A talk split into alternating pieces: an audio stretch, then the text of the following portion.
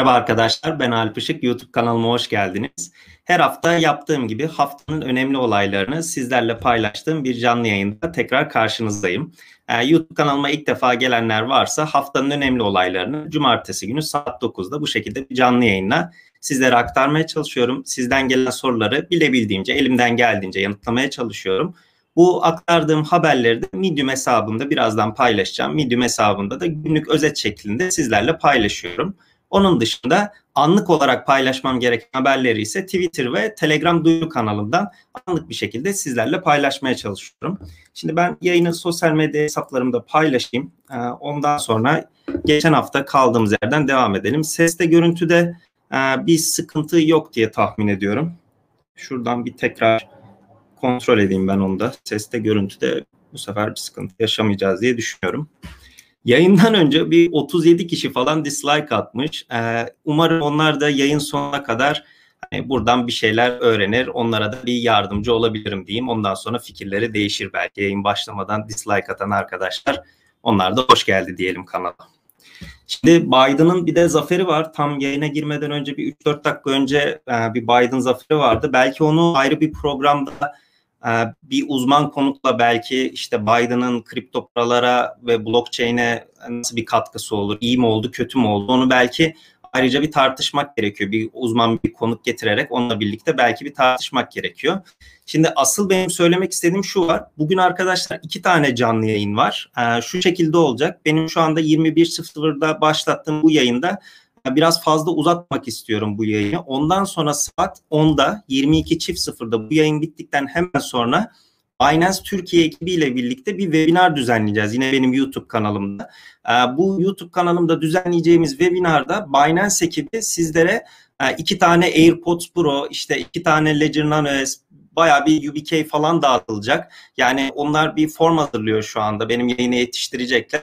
E, onlarla birlikte böyle bir baya bir dolu dolu ödüller dağıtılacak. E, bu yayında formu doldurduktan sonra bir sonraki yayında e, önümüzdeki her, her hafta benim canlı yayınımda bir tane kazanan kişi belirlenecek. O yüzden bu yayın bittikten sonra bir yere gitmeyin. Binance yayınına mutlaka gelin. Orada zaten e, yayın sırasında canlı şeyden ben formu, Telegram adresini falan paylaşacağım. Oldukça keyifli olacak. Ya ödüller bayağı şey bonkör. Yani AirPods Pro falan vereceğiz iki tane. Ben de kendim kullanıyorum. Çok başarılı yani. Android telefonunuz varsa onda da kullanabiliyorsunuz.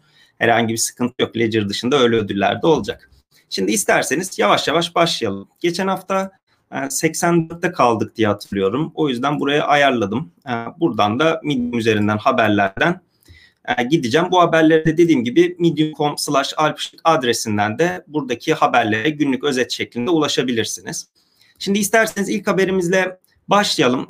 Bu burayı biraz hızlı geçeceğim aslında. Bu Uniswap'ın ve daha Argent gibi uygulamalardan daha önceden kullanan insanlar bu Uniswap'ın dağıttığı e, bu airdrop'a faydalanmadı. E, şey yaptı. İnsanlar bunu açık oylamaya sundu. Dediler ki biz de bu Uniswap'ın airdrop'undan alalım dediler. Fakat bu kabul edilmedi. Hani çok fazla kişi de kullandığını sanmıyorum ama ben mesela Argent üzerinden, Darma üzerinden de Uniswap'la etkileşime geçip kullanmıştım. Eğer bu geçseydi, oy tasarısı buradan da geçseydi büyük ihtimal ben de oradan bir ödül alacaktım. Benim gibi bayağı bir kişi olduğunu gördüm Twitter'da. Ama bunun geçmediğini söyleyebilirim. Şimdi şuradan bir saniye. FTX borsasından bir haber var. Ee, Tesla alım satım işlemleri başladı. Tesla dışında diğerleri de başladı FTX'te. Yani şöyle bir durum var. One Broker gibi bir örnek varken yani FTX'in böyle yürek yemiş gibi biz de işte Netflix'i, Amazon'u, Apple'ı Apple'ı başlatıyoruz demesi piyasada oldukça aslında bir ilginç karşılandı. Ama sonuçta FTX'in de bir bildiği vardır. Yani bu kadar böyle geçmiş örnekler varken böyle hani şey yapacaklarını sanmıyorum. Hani rastgele bir şekilde piyasaya girdiklerini sanmıyorum. Bayağı da katı KYC kuralları var. Ee, o kurallara uymadan zaten Amerikan vatandaşları alınmıyor. Siz kimlik doğrulamayı yapsanız bile hisse senedi işlemleri için ayrı bir kimlik doğrulama yapmanız gerekiyor. Onu da söylemeden geçemeyeceğim. Ee, yayına bakıyorum. Eren gelmiş. Eren Sal, hoş geldin. Kripto Sözlük'ten. Eren'in de kanalını takip edebilirsiniz etmiyorsanız. Bitmex haberi var. Ee, Bitmex'e dava açılmadan önce yöneticilerin yaklaşık 440 milyon doları şirket hesabına alıp kişisel hesaplarına aktardıkları iddia ediliyor. Bitmex'te bilmeniz gereken de aslında şey var. Ee, bu şu anda siz eğer kimlik doğrulama yapmadıysanız şu anda Bitmex'i kullanamıyorsunuz. Ben geçen gün girdiğimde galiba 5 Kasım'dı. Ee, şu anda şey yapamıyorsunuz. Kimliğinizi doğrulamazsanız sizin alım satım işlemlerinizi ve withdraw işlemleri yapmaya izin vermiyor. Yani hala kullanmaya devam edeceğim diyorsanız ya da içeride paranız kaldıysa mecbur kimlik doğrulama yapmanız gerekiyor. Ses yankı yapıyor demiş bir arkadaş. Aslında 7 senedir aynı mikrofonu kullanıyorum. Aynı ortamda kullanıyorum ama belki birazcık sesli konuştuğum için yankı yapıyor bilemedim. Belki G kısmını kısabilirim. Merkez Bankası'ndan dijital euro hakkında herkese bir açık anket yayınlandı. Ya bunun hakkında detaylı bir bilgi gelirse ben zaten size aktarıyor olacağım. Şu anda onlar da bütün işte herkes kendi Merkez Bankası dijital parasını çıkardığı için e, doğal olarak da herkeste bir panik başladı. Çin çünkü bayağı şu anda deneyim kazanıyor. Diğer ülkelerde geri kalmamak için işte anketler yapıyorlar. Nasıl yapmalıyız, bunu nasıl olmalı şeklinde araştırmalar devam ediyor. Aynı şekilde bizim ülkemizde de bildiğiniz gibi Türkiye Cumhuriyeti Merkez Bankası da 9 e, tane blockchain'li uzman yardımcısı arıyordu. Direkt Merkez Bankası'nın web sitesine gittiğinde bu iş ilanına başvurabiliyorsunuz. O yüzden bizde de bu şekilde çalışmalar devam ediyor. Yeni bir haber gelirse onları da sizlerle paylaşmış olurum. Şimdi 84'ü bitirdim. Şuradan 85'e geçeyim. Bugün zor ya. Bugün en az iki buçuk saat canlı yayın olacak gibi gözüküyor bana. Yani çayımı, kahvemi, her şeyimi hazırladım ama birazcık hızlı ve yorucu olabilir. Kusura bakmayın şimdiden. Facebook'tan bir haber var. Ya bu Facebook haberini ben şöyle aktarayım size. Ee, hatta şöyle kendimi büyütebiliyor muyum? Bir saniye. Şimdi bu Facebook'ta ben çok önceden böyle 2014-2015 galiba zaten YouTube'da böyle videolar çekiliyorum. Ee, bu daha çok izlensin diye de şey yapıyordum. Facebook'a reklam vermeye çalışıyordum. Fakat şöyle bir durum oldu. Facebook kripto paralara karşı o kadar böyle ön yargılı davranıyordu ki bu Bitcoin ile ilgili reklam verdiğim için YouTube videomun başında Bitcoin yazdığı için de direkt reklam hesabımı engelledi. Yani ben Facebook'a zaten 5 senedir falan reklam vermiyorum. Zaten sonra da Facebook unutuldu, gidildi yani. Şey olmadı. Kimsenin zaten doğru düzgün kullandığı kalmadı Facebook'u. Şu anda da Facebook'ta Bitcoin hashtag'i yazarsanız e, e onu engellemişler. Normalde siz paylaşımlarınıza hashtag koyabiliyorsunuz. Şu anda Bitcoin'i koyduğunuzda yanlış hatırlamıyorsam sadece blockchain.com'un Facebook sayfası gözüküyor. Başka bir şey gözükmüyor. Facebook burada yine bir engelleme yapmış. Bu da önemli bir haberdi. Ses, görüntü iyi diyen var, kötü diyen var ama iyi olması gerekiyor. Bir sıkıntı olmaması gerekiyor. Bir saniye ben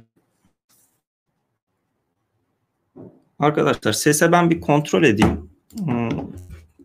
Bir saniye. Her zamanki mikrofonum takılı. Şuradan birazcık kısayım. Speaker'da normal speaker aslında hiçbir sorun olmaması lazım ama bir saniye. Mikrofonu çıkarıp taksam aslında.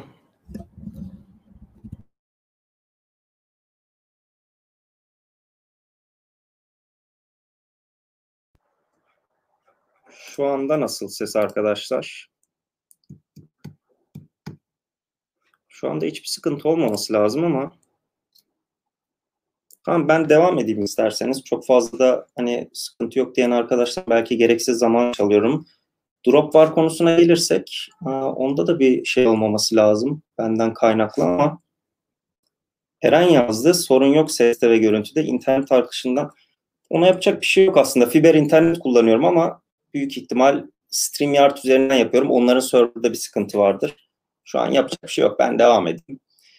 Justin Sun bir açıklama yaptı. Tron güncelleme sırasında saldırı yapıldı dedi ve kullanıcı fonların güvende olduğu ve bu saldırıyı da püskürttük. Gördük ne kadar merkeziyetsiz olduğunu kanıtladık dedi. Böyle bir haber vardı bu hafta. Ya Justin Sun bu haberi bile kendine o kadar böyle şey yaptı ki yani pay çıkardı ki burada direkt gitti işte bakın gördünüz mü ne kadar merkeziyetsiziz biz bu sayede de bu saldırıyı püskürttük falan dedi. Tabii ki çok fazla kişi bunu takmadı ama Justin Sun yine bundan pay çıkarmayı denedi.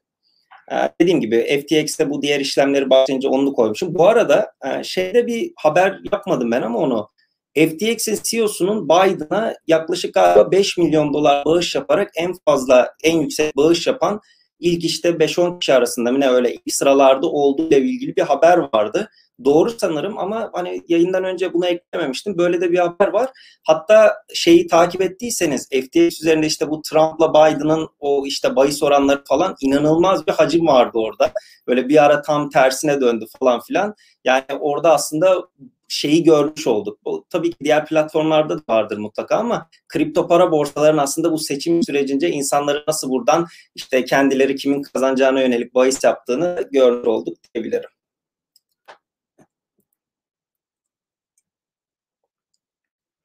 Coin beni gelmiş. İyi günler. Teşekkür ederim. Fatih yazıyordur büyük ihtimal coin bülteninden de. Binance Launchpool'a yeni bir proje eklendi. Ee, bu da bu şeyi anlatmıştım ben YouTube kanalımda Launchpool üzerinden nasıl para kazanılabileceği hatta buraya da koymuşum. Bu, bu videoyu izleyebilirsiniz. Ya buradaki projelerin e, şeyi değişiyor.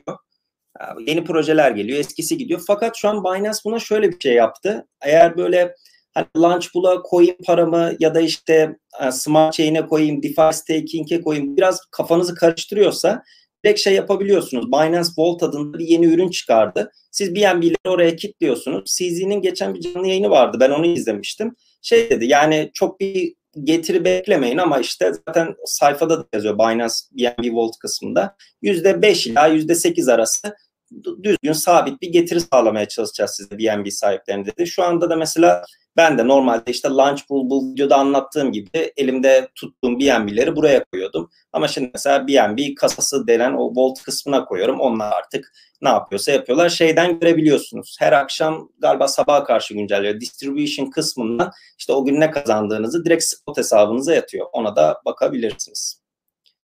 Ee, Merkez Bankası'nın dijital para adımları gelmeye devam ediyor. Avustralya Merkez Bankası'nda bir çalışması açıklamış. Bu e, şey linklerini veriyorum ben. Orijinal e, İngilizce sayfalarındaki ya da işte Merkez Bankası falan açıklaması ise resmi sitelerini veriyorum. Bu Medium üzerinden tıklayarak onlara da ulaşabilirsiniz.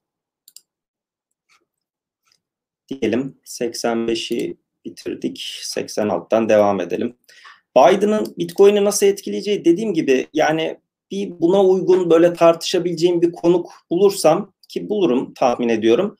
Onunla birlikte belki bir program yapabiliriz. Şu an ben hani burada işte Trump şöyle Biden bu etkiler falan demek çok doğru değil ama şeyi biliyoruz. Trump'ın bir tweet'i vardı işte Bitcoin işte uyuşturucu satışında kullanılabilir, yasa dışı parada kullanılabilir falan. Ben Bitcoin'e sıcak bakmıyorum, kripto paraları sıcak bakmıyorum diye bir tane tweet'i vardı. Hatta altına insanlar işte dolarla bir şey yapılmıyor mu falan diye böyle hep altında yorumlar vardı. Trump'ın öyle bir çıkışı vardı. Şimdi Biden'dan öyle bir çıkış yok. Hani olmayacağı anlamına gelmez. Orada aslında şey biraz daha nötr tarafında gözüküyor Biden ama benim bilmediğim Biden daha önceden şöyle şöyle yaptı. Galiba 4,5-5 sene önce bir işte bağış kampanyasında Biden'ın Bitcoin ile ilgili bir tweet'i geçiyordu. Onun, o, onun dışında da son 4-5 senede zaten hiçbir şey yok. Benim bildiğim bu. Hani başka bir bilginiz varsa onu da tartışabiliriz. Şöyle bir yukarı gideyim. İnterneti bir saniye. Tamam başka da bir şey yokmuş. Kaçtayız? 86'dayız. Buradan devam edelim. Şimdi tabii bu arada en eski haberden en yeni habere doğru geliyorum. O yüzden mesela daha seçim yapmadan e, bu haberi yazdığım için de şu anda seçim sonucunu bekliyor. Kripto para piyasaları şeklinde yapmışım. E, o günkü gündemde bu şekildeydi. November 3, 3 Kasım'da yazdığımda. Şimdi Ripple yatırımcılarını ilgilendiren bir konu var. Yani XRP tutan yatırımcılar e, Aralık ayında diye biliyorum ben Spark token verilecek. Şu anda bunu bir iki tane borsa biz bunu destekliyoruz. Siz işte e, bizim borsamızda tutarsanız biz vereceğiz demiş ama buna şey yapmayın. Çok acele etmeyin. Yani eğer işte elinizde Ripple varsa bunu kendi cüzdanıma çekeceğim falan diyorsanız en azından son bir haftayı bekleyin. Belki tuttuğunuz borsa destekliyorsa şuna işte Ledger'a çekeceğim falan ya da cüzdanıma çekeceğim diye uğraşmazsınız. Hani böyle de bir Ripple tarafında bir haber vardı çok fazla konuşulmadı ama madenciliğin %16 düştü. Bitcoin difficulty dediğimiz zorluk seviyesi %16 düştü ve bu Bitcoin tarihindeki en büyük ikinci düşüştü. Yani şöyle söyleyeyim ben 2013-2014 civarında madencilik yaparken şey çok etkiliyordu. Yani %10 artması bu zorluk seviyesinin. Bundan biraz bahsetmek gerekirse Bitcoin zorluk seviyesi şöyle her 10 dakikada bir bir blok bulunacak şekilde ayarlanıyor. Normalde diyelim Bitcoin her 10 dakikada bir. Bu arada bu teorik. Pratikte bazen bir saniye, iki saniyede de bulunuyor. Bir saatte de bulunabiliyor. Bu tamamen teorik olarak 10 dakika. Diyelim 9 dakikada bulunmaya başladı. Ortalama her 9 dakikada bir blok bulunmaya başladı. Bitcoin'in algoritması matematiksel olarak bunu şu şekilde yapıyor. Diyor ki zorluğu diyor %10 arttırırsam diyor 9 dakika yerine 10 dakikada bulunmaya başlayacak diyor. Ve her iki haftada bir bunu da 2048 blok olması lazım yanlış hatırlamıyorsam düzenli olarak zorluğu arttırıyor veya azaltıyor. Şu anda buna şey diyenler oldu. Doğrudur. Çin'deki bu yani meşhur yağmurlar falan varmış. Orada madencileri kötü etkiliyormuş. Öyle bir durum var. Onun dışında Çin'de yine bu madencilerin taşınması ile ilgili birkaç haber vardı. E, doğal olarak fiyat o kadar belki yükselmemişti. %16 düşüş. Dediğim gibi tarihteki en büyük ikinci düşüş. Şeye bakmadım. Şu an güncel durumuna bakmadım ama bir sonraki zorluk seviyesi çok büyük ihtimal artıya geçecektir. Şey de ilginç. Bitcoin üretmek %16 kolaylaştığı bir sırada biz 15.200 dolarlara kadar çıktık aslında. Kimsenin pek fazla umurunda olmadı. Binance Vault e, evet bu oranlar söylediğim her şey yıllık arkadaşlar. Bazıları onu aylık hatta günlük sanıp böyle çok sevinenler oluyor. Ee, APY diye yazılıyor. APY olarak annual per yield diye. Bunların hepsi yıllık oranlardan bahsediyoruz. Ha, Ethereum 2.0'a geçeceğiz. Onu bir Ekotürk'te yayına çıkmıştım. Bir 5 dakikalık orada toparlamıştım. Bu yayında da bahsederiz demiştik. Ona da yavaş yavaş geleceğim. Güney Kore'den gizlilik odaklı kripto paraların kullanımını yasaklayacak bir yasa tasarısı hazırlanıyor. Bugün de Shapeshift platformu Monero'yu çıkarmıştı. Yani bu regülasyonlar geldiği zaman gizlilik odaklı paraların şeyi yok. Borsalarda pek fazla yeri kalmayacak diye düşünüyorum. Zaten şey çok komik. Yani siz gizlilik odaklı bir paraya yatırım yaptığınızda bunu borsada elinizde kimliğinizle işte ben borsaya kayıt oluyorum falan bu kimlik doğrulamayı yapıp da gizlilik odaklı o coin'i almanız falan hani zaten o kullanım amaçlı değil sadece fiyattaki spekülasyondan yararlanmak amaçlı yapıyorsunuz demektir.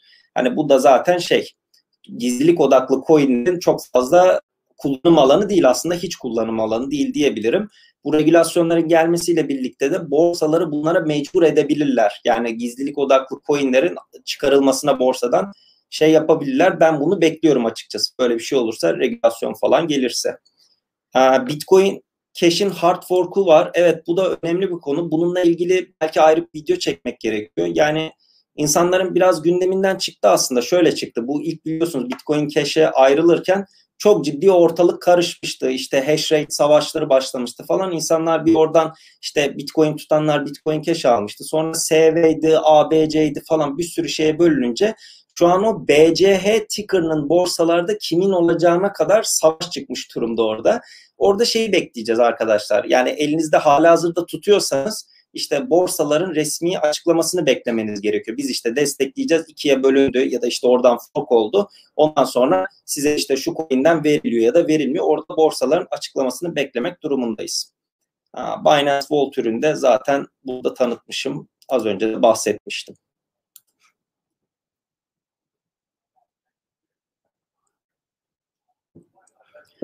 Ethereum gas fee'lerin düşme ihtimali için ne düşünüyorsunuz? Ethereum 2.0 ile birlikte amaçlardan biri bu. Tam aslında buna gelmiştik. Biraz isterseniz bu Ethereum 2.0 sürecine burada geçebiliriz. Şimdi şöyle yapalım. Bir kere bu maceradan biraz bahsedelim. Şu anda e, Ethereum'da şey yapma, mining yapma, üretme ve aynı zamanda işlemleri doğrulama sizin de takip edebileceğiniz gibi proof of work algoritmasıyla yani ekran kartlarıyla ya da bunun için hazırlanmış özel cihazlarla yapılıyor ASIC'lerine genelde ekran kartlarıyla. Bu işlem inanılmaz zaten ciddi elektrik sarfiyatı, ciddi bir şekilde ölçeklenmede sıkıntı yaratıyor. Yani şöyle söyleyeyim, ne kadar güçlü bir bilgisayarınız olursa olsun Ethereum full node'u çalıştıramıyorsunuz. Mesela dün şeyim vardı Aytunç'la Emin Hoca bir tweet atmıştı. Galiba Kevin'in yazına cevap yazmıştı. Raspberry'nin yeni bir cihazı çıktı mesela. Onunla bile Avalanche node'u çalıştırabileceksiniz. Aytunç da altına yazmıştı Ethereum 3.0 gibi mi olacak falan diye. Yani Ethereum'daki sıkıntı şu. Siz full node çalıştıramıyorsunuz çünkü çok ciddi bir işlem gücü gerekiyor. Çok ciddi internet bağlantısı gerekiyor. E şimdi bunun son kullanıcı etkisine ölçeklenme problemi olduğu için, ölçeklenemediği için bu DeFi yazı dediğimiz geçtiğimiz aslında 5-6 aylık sürece baktığımızda çok çılgın komisyon oranları gördük. Yani bir akıllı kontratla e, şey yapma, akıllı kontratla etkileşime girmekten tutun da çok basit bir ERC20 token transferi, Ethereum transferi bile çok ciddi seviyelere gelmişti. Şimdi bu DeFi kısmındaki rüzgar birazcık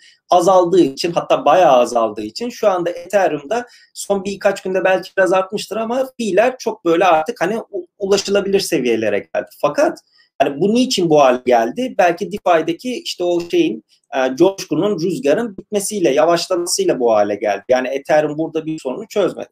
Şimdi Ethereum 2.0 neyi amaçlıyor? Biz diyor bu ekran kartlarını ıvırı zıvırı bırakalım. Proof of Work'ten Proof of Stake'e geçelim. Proof of Stake ne demek? Elinizde bulundurduğunuz Ethereum miktarı kadar şey yapabiliyorsunuz. Hem bloklardan pay alabiliyorsunuz. Yani oradaki validator, doğrulayıcı oluyorsunuz. Oradan siz bir Ethereum kazanıyorsunuz yıllık olarak. Aynı zamanda da transferleri doğrulayabiliyorsunuz. Siz artık doğrulayıcı oluyorsunuz. Şimdi bunun için minimum 32 Ethereum gerekiyor. Bu süreç biz belki 2021 yılına sarkar mı eder mi derken Vitalik geçtiğimiz günlerde bir tweet attı. Dedi ki biz de 1 Aralık'ta dedi bunu başlatıyoruz.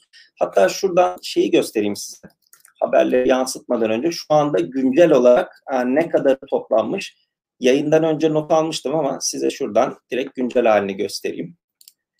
launchpad.ethereum.com adresine girdiğinizde bakın buradan görebildiğiniz gibi şu anda 524.288 Ethereum gerekiyor ve 16.384 validator doğrulayıcı gerekiyor. Şimdi geçtiğimiz günlerde şu anda da 43.493 Ether atılmış. Yani bir aralığa kadar aslında süreç oldukça uzun.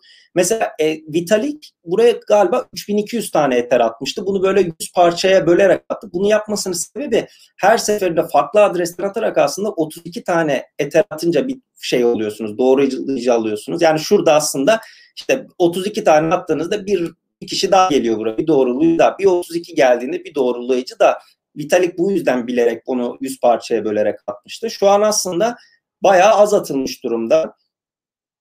Yani bir aralığa kadar bunu tamamlanamazsa takip edebildiğim kadarıyla işte bir hafta sonra erteleniyor, bir hafta sonra erteleniyor ama elinde sonunda bu tamamlanacak. Faiz oranlarına gelecek olursak da yani burada böyle %21 falan görüyorsunuz. Fakat bu bakın total ether stake diyor. Burada toplam stakelenen Ethereum miktarı arttıkça burada da görebildiğiniz gibi faiz oranları çok daha düşüyor. Yani %4-9 demiş ama bunun bile altına inebilir belki diye düşünebiliriz. Ama şu anda çok az kilitlendiği için bu durumda. Şunu da söylemek istiyorum. Yani şu anda kilitlediğinizde faiz alamıyorsunuz. Ethereum 2.0 farklı bir ağ olacak. Siz Ethereum 1.0 üzerinde çalışan Ethereum'larınızı 2.0'a 32 tane ben stake edeyim diye buraya atacaksanız iki şeyi aslında bilmeniz gerekiyor. Bir, teknik olarak konuya hakim değilseniz yanlış kontrat adresini atarsınız direkt haber sitelerine üye olursunuz. Türkiye'den de bir kişi kontrata attı şu kadar eteri gitti diye. Bunu yapmayın.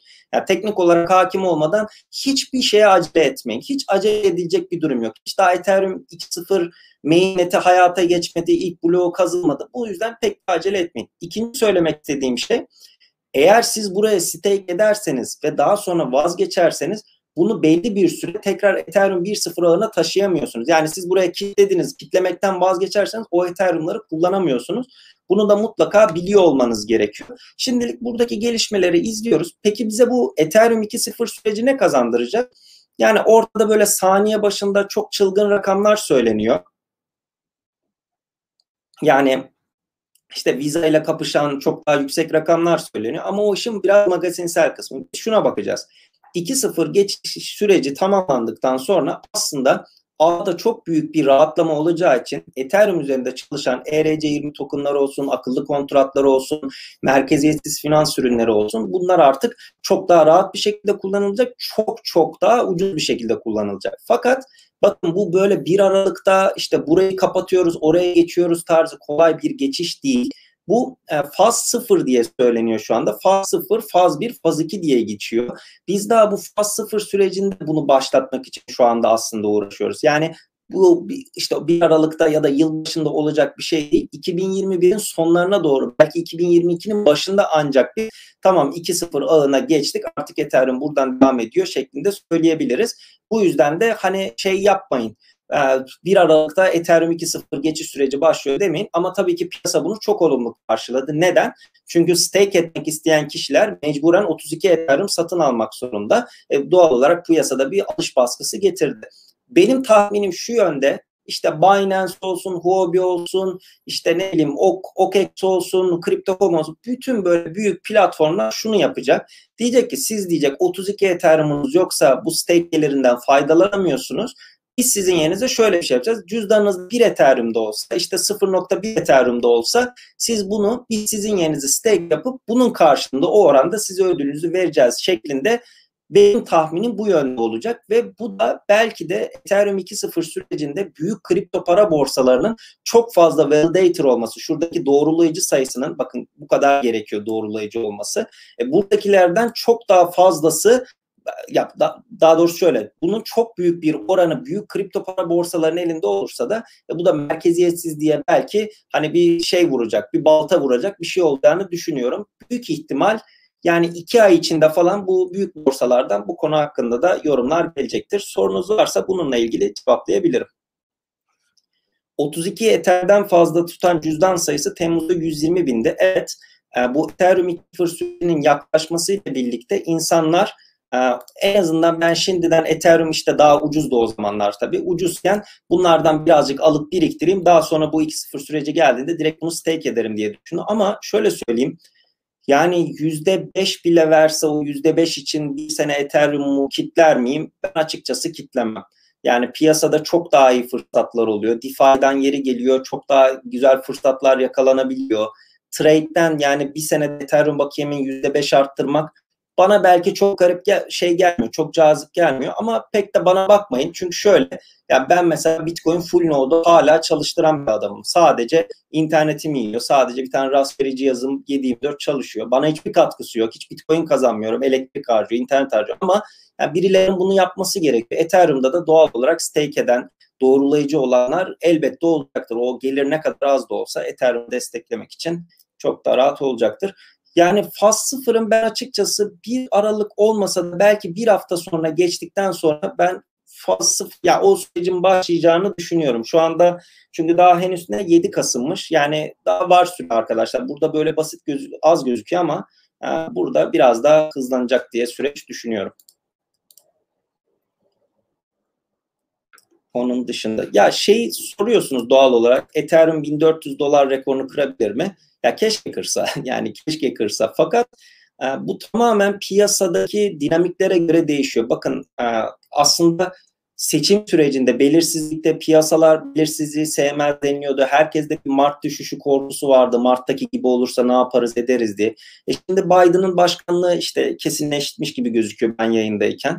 Yani burada çok farklı değişkenler olabilir. Ethereum'un tek başına 2.0 sürecini başarılı geçmesi onu 1400 dolara eğer ittirirse geçenki yaşadığımız altcoin rallisindeki gibi Ethereum'un öncülüğünde bir rally başlar. Fakat buna Bitcoin'in izin vermesi lazım. Asıl şu an herkesin sorusu şey Bitcoin tekrar tüm zamanların rekorunu kıracak mı? E böyle bir durumda altcoin'lere ve Ethereum'a ne kadar izin verecek? Ethereum orada pozitif ne kadar ayrılabilecek? Yani orada sadece Ethereum'daki gelişmeler maalesef çok fazla şey olmaz. Yani bize doğru yönlendirmez diyebilirim.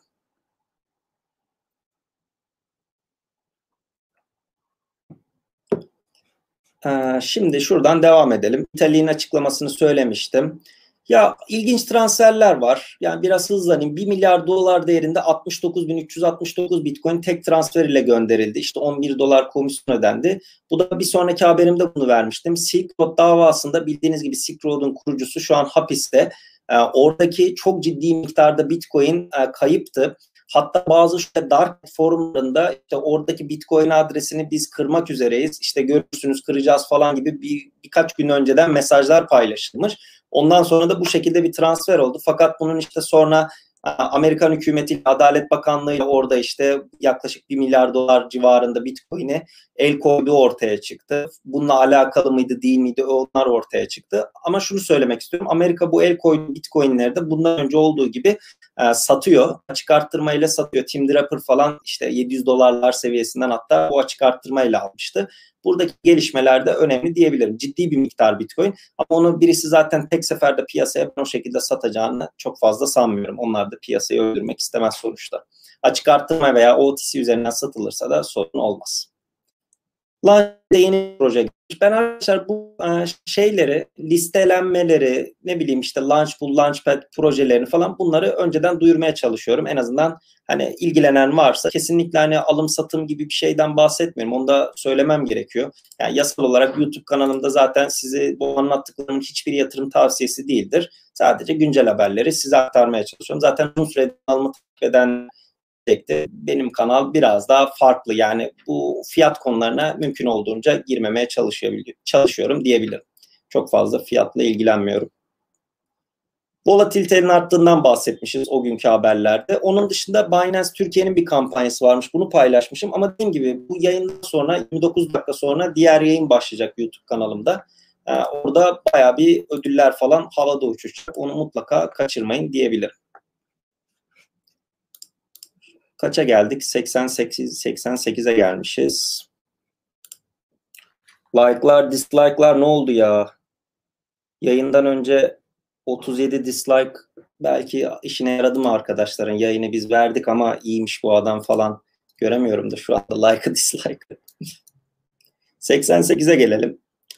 Bitcoin fiyatı 125 bin lira seviyesinden alıcı bulduğunu söylemişiz. 15 bin dolar. Ya zaten teknik analiz yapan arkadaşların hepsi ben şöyle söyleyeyim. Teknik analizde hiç ilgilenmiyorum. Ama teknik analiz yaparak para kazanan arkadaşlara da sonsuz saygım var. Çünkü o da artık bir yöntemi bulmuş. Bundan para kazanabiliyordur ve takip ettiğim hani piyasadaki tanınan isimlere baktığında herkes bir 14 bin dolar seviyesi zaten çok önemli olduğunu, bunun üstünü kırdığında ve onun üzerinde yapılan kapanışların bizim için önemli olduğunu söylüyorlardı. Yanılmadıklarını görüyoruz. Şu an hala 15 bin doların aslında üzerindeyiz diyebiliriz. Bakalım pazartesi günü işte bu Biden seçim falan bunlar nasıl şey yapacak? Ee, nasıl fiyatlanacak? Pazartesi günü bir aslında göreceğiz diyebilirim. Hmm, Kripto.com'a Türkçe dil desteği gelmiş. Ee, Twitter üzerinden de Crypto.com 4 tane tişört şeyi vardı, hediyesi vardı. Twitter'dan ona da bakabilirsiniz, katılabilirsiniz. Ona katılım aldı büyük ihtimal. Hani çıkma olasılığı size çok yüksek. Benim Twitter hesabımdan ona da bakabilirsiniz. Liquid Swap'ı bilmiyorum denediniz mi? Ee, bu bildiğiniz gibi Uniswap üzerinde falan likidite e, havuzlarına siz bu sağladığınızda karşılık mesela işte Tether, Ether paritesine işte ne bileyim BUSD, BNB paritesi falan bunları sağladığınızda buralardan işlemler yapıldıkça kazanç elde edebiliyorsunuz. Binance'ın Liquid Swap özelliği var. E, oraya girdiğinizde yukarıda swap kısmına tıkladığınızda orada şey oranları var. Yıllık faiz oranları var. Tabii bunlar çok değişken. Çünkü orada gerçekten işlem yapılıp yapılmaması da değişiyor. Oraya da bakabilirsiniz mutlaka. E, Euro mesela bildiğimiz Euro'nun orada yıllık faiz oranı %38'e ulaştı. Ama bakın burada yazmışım ben anlık olarak yani şey değil Euro'ya %38 veriyor değil. Bir ara gerçekten inanılmaz bir talep olunca böyle şey yapmış. Orayı da şey yapabilirsiniz. E, takip edebilirsiniz. O da hani en azından bir bakabilirsiniz neymiş ne değilmiş diye. Ethereum 2.0 sürecinde yani şu videoyu izleyebilirsiniz. Ekotürk'te sevgili Murat davet etmişti bu 2.0 süreci başlayınca. Burada anlattıklarımı biraz özünü anlat diyebilirim. O videoya da bakabilirsiniz. YouTube kanalında sondan bir önceki video olması lazım.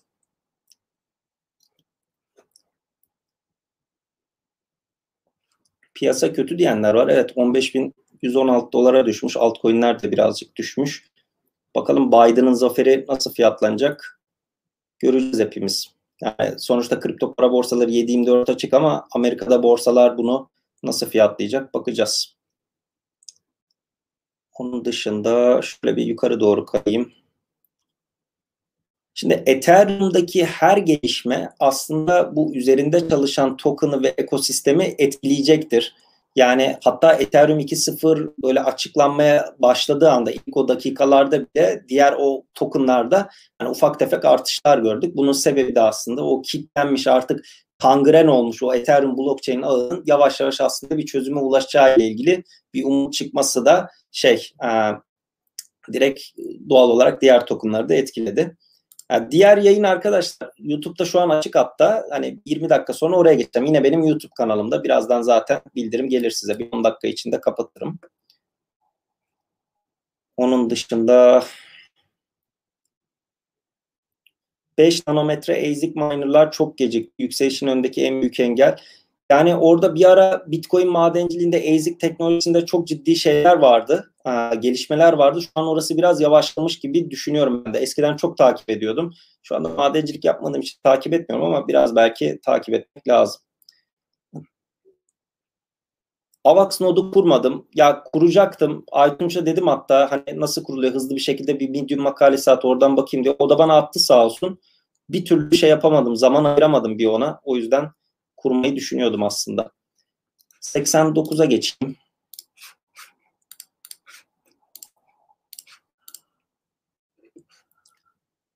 Şimdi dediğim gibi bu 1 milyar dolar değerinde ABD Adalet Bakanlığı buna el koydu. Bunlar da açık arttırmayla satılacak. Yani bir kişi yazmış açık arttırmayla satılacağı kesimi falan diye. Yani öyle bir kesin bir bilgi yok ama arkadaşlar hepsi açık arttırmayla satılıyor. Hatta şey Amerikan hükümetinin bugüne kadar el koyduğu bitcoinlerle ilk işte 5 bitcoin cüzdanı arasında falan borsaları çıkardığımızda e, o şekilde bir haber vardı. O da ilginçti. E, bu korku ve aç gözlük endeksi var. E, bu Bitcoin şu an 90 seviyesiyle rekor kırmış durumda. Bu endeksin içinde birden fazla parametre var. İşte kripto para daha doğrusu Bitcoin için. Bu Bitcoin'de işte atılan tweet sayısı, Reddit'teki upvote, downvote sayısı, beni beğenmeme falan çok böyle farklı farklı indekslerin oluşum birleşiminden şey yapılıyor. Böyle bir indeks gösteriliyor. Bunun ne olduğunu merak ediyorsanız korku ve aç gözlülük endeksi nedir diye benim YouTube kanalımda çok detaylı bir video var. İsterseniz ona bakabilirsiniz. Bazı kişiler buna çok önem veriyor. O yüzden ben haber değeri olarak paylaştım. Ee, Vitalik Buterin'in 3200 gönderdiğini son şeyde yapmışım. Sonra Binance'te bir Lite diye uygulamayı güncellersiniz. Lite sürümü geldi. Ya mobil uygulamaya baktığında çünkü yeni bir kullanıcıya şey desen hani Bitcoin altcoin buradan alabilirsin falan desen adamın önünde bir sürü şey var. Margin'i, future'ı, earn'ü, stake, launchpad'i, launchpool'u doğal olarak şey yapmışlar. Bir tane light sürüm getirmişler. Bence de güzel olmuş. Sadece işte basit al sat yapıyorsanız onu da kullanabilirsiniz. Onun dışında arkadaşlar Telegram kanalıma daha doğrusu Telegram'da bir duyuru kanalım var. Ee, oraya gelmenizi tavsiye ederim. Ee, güncel olarak oradan da size haberleri paylaşmaya çalışıyorum. Ee, şu şekilde de hatta şuradan açayım. Nereden açacağım? Şuradan sizinle paylaşabilirim. Yani genellikle Twitter'dan paylaşıyorum an haberleri. Fakat bu kişi Telegram kullandığı için ben de biraz daha Telegram kanalıma ağırlık vermek istedim. Duyuru kanalı, sohbet kanalı değil. Yani en azından benim attığım bildirimleri de oradan takip edebilirsiniz. Katılırsanız da sevinirim. 89'u da bu şekilde bitirdim. 90'a gelelim.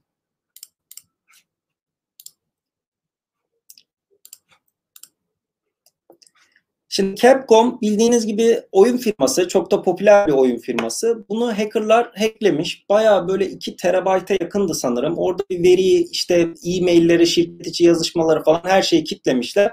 Ve 11 milyon dolar değerinde bitcoin istiyorlar. Bu şeyler yine başladı. Bir ara çok böyle Türkiye'de de konuşuluyordu işte şirketlerin database'leri hackleniyordu, şantaj amaçlı işte kullanılıyordu, fidye olarak Bitcoin isteniyordu. Son mağdurda Capcom şey olmuş, oyun firması olmuş. Tether bu ara bayağı basılıyor. Yani piyasada biz bunu coşkuyla karşılıyoruz. Tabii o whale alert şeyi atıyor, tweet'e atıyor. Şu kadar milyon dolar Tether basıldı. Bakıyoruz Bitcoin fiyatı yukarı gitmeye başlamış. Seviniyoruz ediyoruz ama yani bu nereye kadar gidecek? Bu ne kadar çıkacak? Tetere bir şey olursa piyasa ne olacak? Saatli bomba. Bu 300 milyon dolar bastı. Bunun karşılığı olup olmadı. Bunu defalarca tartıştık. Benim YouTube kanalımda da video var. Bloomberg'de falan bile bunu anlatıyorduk işte. Tether'in karşılığı eskiden bire bir dolar karşılığı varken şu anda işte ev, araba, arsa ne varsa satar bir şekilde piyasadaki Tether'in karşılığını yaparız da dönmüş durumda. Yani bu çok böyle şey hani piyasa yukarı giderken herkesin böyle alkış tuttuğu bir şey. Hani şu an mesela ben bu yayındayken Tether 1 milyar dolar bastık dese fiyat yine elbette etkilenecektir. Ama yani bu nereye kadar gidecek? Ben açıkçası artık korkutuyor. Çünkü piyasa değeri de 17 milyar dolar seviyesine gitmiş. Bu coin market cap'te coin ya yani üst sıraya Tether mi çıkacak? Bu şekilde mi gidecek artık? Böyle basa basa nereye gidecek bilmiyorum. XRP yatırımcıları bildiğiniz gibi şeye çok kızar. Ripple'ın ekibine devamlı satar, devamlı satar. Yani bana bir tane şey yorum gelmişti. Sizlerle paylaşayım. Piyasalar böyle çok artıyordu. Bir tek Ripple böyle kımıldamıyor. Bir tane arkadaş da YouTube videonun altına şey almış. Hocam her şey arttı. Bu Ripple hamile inek gibi oturduğu yerden hiç kımıldamıyor. Bu ne zaman artar demişti. Ya tek sorun işte yatırımcıların en çok kızdığı e, bu Ripple devamlı XRP satıyor. Piyasaya o kadar çok satıyor ki şimdi de şey yapmış yaklaşık 45 milyon dolar değerinde piyasadan XRP almış ama ne kadar etkiledi Ripple yatırımcısı, XRP yatırımcısı bunlar ne kadar memnun oldu? Çok fazla bilmiyorum açıkçası takip etmediğim için. Shapeshift'inde bu Shapeshift eskiden çok popülerdi. Uniswap falan yokken siz şey yapıyordunuz böyle hatta benim kanalımda çok eski bir video var bununla ilgili. İşte Bitcoin atıyorsunuz karşılığında Litecoin alıyorsunuz. Herhangi bir borsaya üye olmadan işte direkt şey yapabiliyorsunuz. Aslında Uniswap'ın ilk böyle merkezi versiyonuydu. Merkeziyetsizin tam aslında karşı şey zıttı olan merkezi versiyonuydu. Yani Shapeshift de Monero'yu platformundan çıkarmış. Benim aslında son haberim buydu. Dediğim gibi burada da söyledim. Şimdi bir 20 dakika sonra tekrar benim YouTube kanalımda birazdan bildirim gelir size. İşte AirPods Pro'ydu, Ledger'dı falan böyle bir sürü hediyeleri dağıtmaya başlayacağımız. Bugün hepsi aynı anda dağıtılmayacak. Yani şey var. Bir tane canlı yapacağız Binance TV ekibiyle. Ona da katılabilirsiniz. Dediğim gibi arkadaşlar YouTube'da bu videoların devamının gelmesi için kanalıma abone olup bu yayını da en azından bu yayını bayağı bir dislike gelmiş. Beğenirseniz çok memnun olurum. Ee, benim için çok büyük motivasyon oluyor. Cumartesi günlerini aslında iple çekiyorum diyebilirim. Onun dışında e, bazen sürpriz canlı yayınlar da açıyorum. Önemli gelişmeler olunca benim canlı yayınlar meşhurdur. Öyle 2-3 saat böyle sürer. Öyle sürpriz hafta içi canlı yayınlar da açıyorum diyebilirim. Benim anlatacaklarım bu kadar. Dediğim gibi Medium üzerinden bu haberlere bakabilirsiniz. Gördüğünüz gibi sadece aslında günün haber özetlerini kendim 5 tane başlıkta sizlere bu şekilde aktarmaya çalışıyorum. Sorularınıza elimden geldiğince cevaplamaya çalıştım ama dediğim gibi hani fiyatla ilgili sorularda biraz daha spekülatif olabilecek sorularda cevap vermemeyi uygun görüyorum. Bu da benim artık şey hani mazur görüm. Bu da benim tarzım diyebilirim. Tekrardan cumartesi akşamı bu yayın içinde vakit ayırdığınız için çok teşekkür ederim. Yayını beğendiyseniz beğenmeyi, bu yayını en azından beğenmeyi. YouTube kanalıma da abone olmadıysanız abone olmanızı çok rica ederim. Bir sonraki yayında 15 dakika sonra görüşmek üzere. Hoşçakalın.